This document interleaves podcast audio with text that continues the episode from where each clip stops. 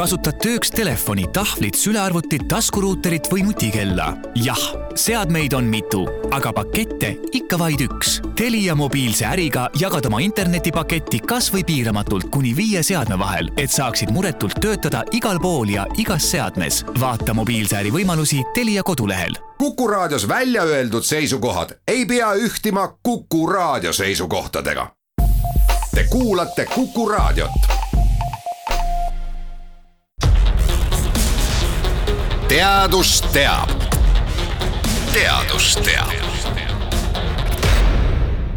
tänases Teadus teab rubriigis räägime nii sajaaastastest inimestest, kes sündisid Eesti Vabariigi algusaegadel, kui ka noortest, kes sündisid pärast taasiseseisvumist ehk tuhande üheksasaja üheksakümnendatel.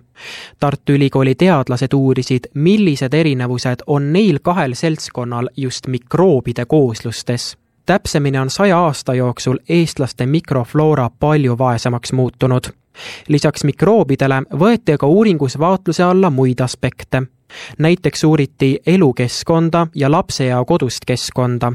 kuivõrd uuringus oli mitmeid tahke, siis sellesse uuringusse andsidki oma panuse erinevate alade teadlased, mikrobioloogid, terviseuuringutega tegelevad teadlased kui ka sotsioloogid seda, millised erinevused paistsid silma just sotsioloogile saja-aastaste ja noorte inimeste vahel, selgitab Tartu Ülikooli sotsioloogia ja sotsiaalpoliitika kaasprofessor Mare Ainsaar. Sajaaastased ja noored inimesed on väga erinevad, aga ma arvan, et kõige huvitavam meie töös oligi just uurida, et äh, kui erinevad need sajaaastased on. Et ehk siis äh, kuidas on nende noorus äh, möödunud äh, ja kui me mõtleme sellele ajale tagasi, kui nemad noored olid, siis elu oli väga erinev.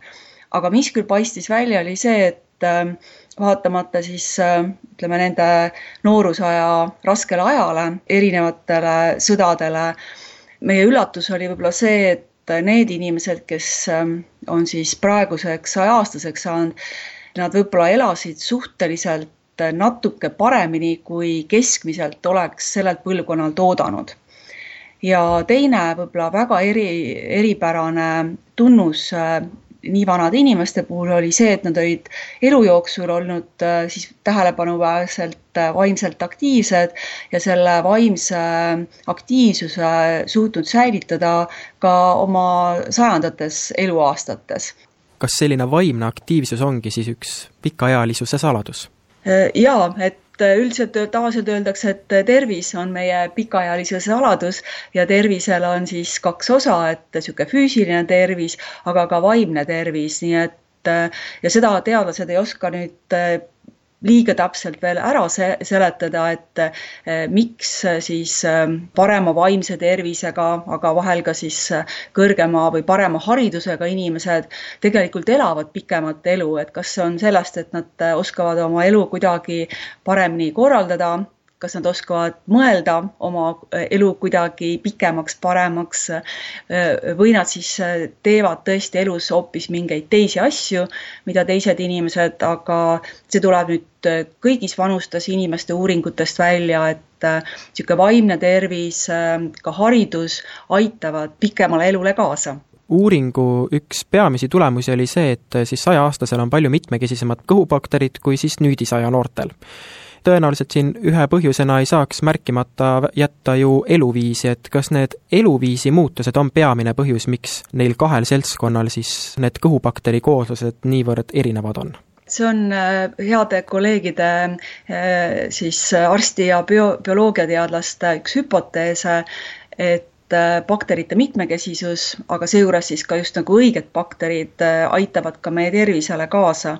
ja kui äh, meie uuringus tõesti võrreldi saja-aastaseid tänapäevaste noorte inimestega, siis nende saja-aastaste mikrofloora oli oluliselt mitmekesisem, liigirikkam ja seal oli ka siis neid häid baktereid nagu rohkem ja selle puhul on siis kaks hüpoteesi, üks on see, et me saame oma niisugune kasuliku mikrofloora juba varasest lapsepõlvest ja meie esimesed eluaastad kuni kolmanda eluaastani on eriliselt äh, tähtsad, et meil oleks ka mitmekesine keskkond, mitte ilmtingimata väga puhas ja väga steriilne, sest see ei tule kasuks siis ähm, bakteritele. aga otse loomulikult, et, et eks neid baktereid mõjutab ka meie igapäevane eluviis, et mida me sööme. Ja ka seda uuring siis äh, küsis nii noortelt kui vanadelt.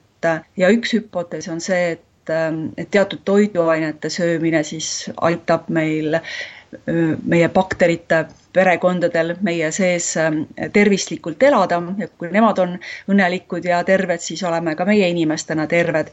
ja see on siis eelkõige erinevad hapendatud toitude rühmad. et muidugi üks üllatav asi tuli meil ka välja, nimelt et meie sajaaastased inimesed just olid suured magusasõbrad.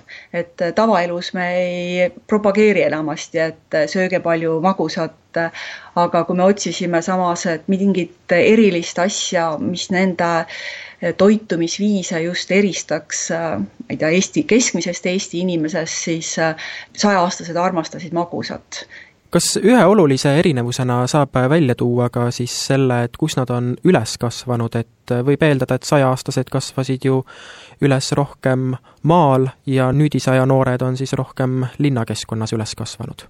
Jaa, et tolleaegsele põlvkonnale omaselt, et kuna sa sada aastat tagasi elati oluliselt rohkem äh, maal äh, kui, kui linnalistes elutingimustes, siis ka sajaastaste seas on muidugi enam neid inimesi, kes äh, veetsid lapsepõlve maatingimustes. Ja see ongi nüüd seotud siis selle mikrofloora või bakterite mitmekesisusega, kuna kokkupuude Eh, mulla, loomade eh, ja erinevate võimalustega elus eh, rikastab seda mikrofloorat. ja, ja see siis noortel inimestel, et kahekümne, kahekümne viie aastased, keda me ka võrdlesime sajaaastastega, nende puhul see siis oli väga teistmoodi, mikrofloora, ja see ilmselt tuleneb nende elukeskkonnast nii nagu elu meie ümber on palju saja aasta jooksul muutunud, on ka mitmeid muutusi toimunud paljale silmale nähtamatus maailmas, ehk siis näiteks mikroobide kooslustes. kokkuvõtteks võib aga öelda, et just positiivne ellusuhtumine on üks oluline asjaolu, et elada sajaaastaseks ja olla seejuures ka õnnelik. teadus teab. teadus teab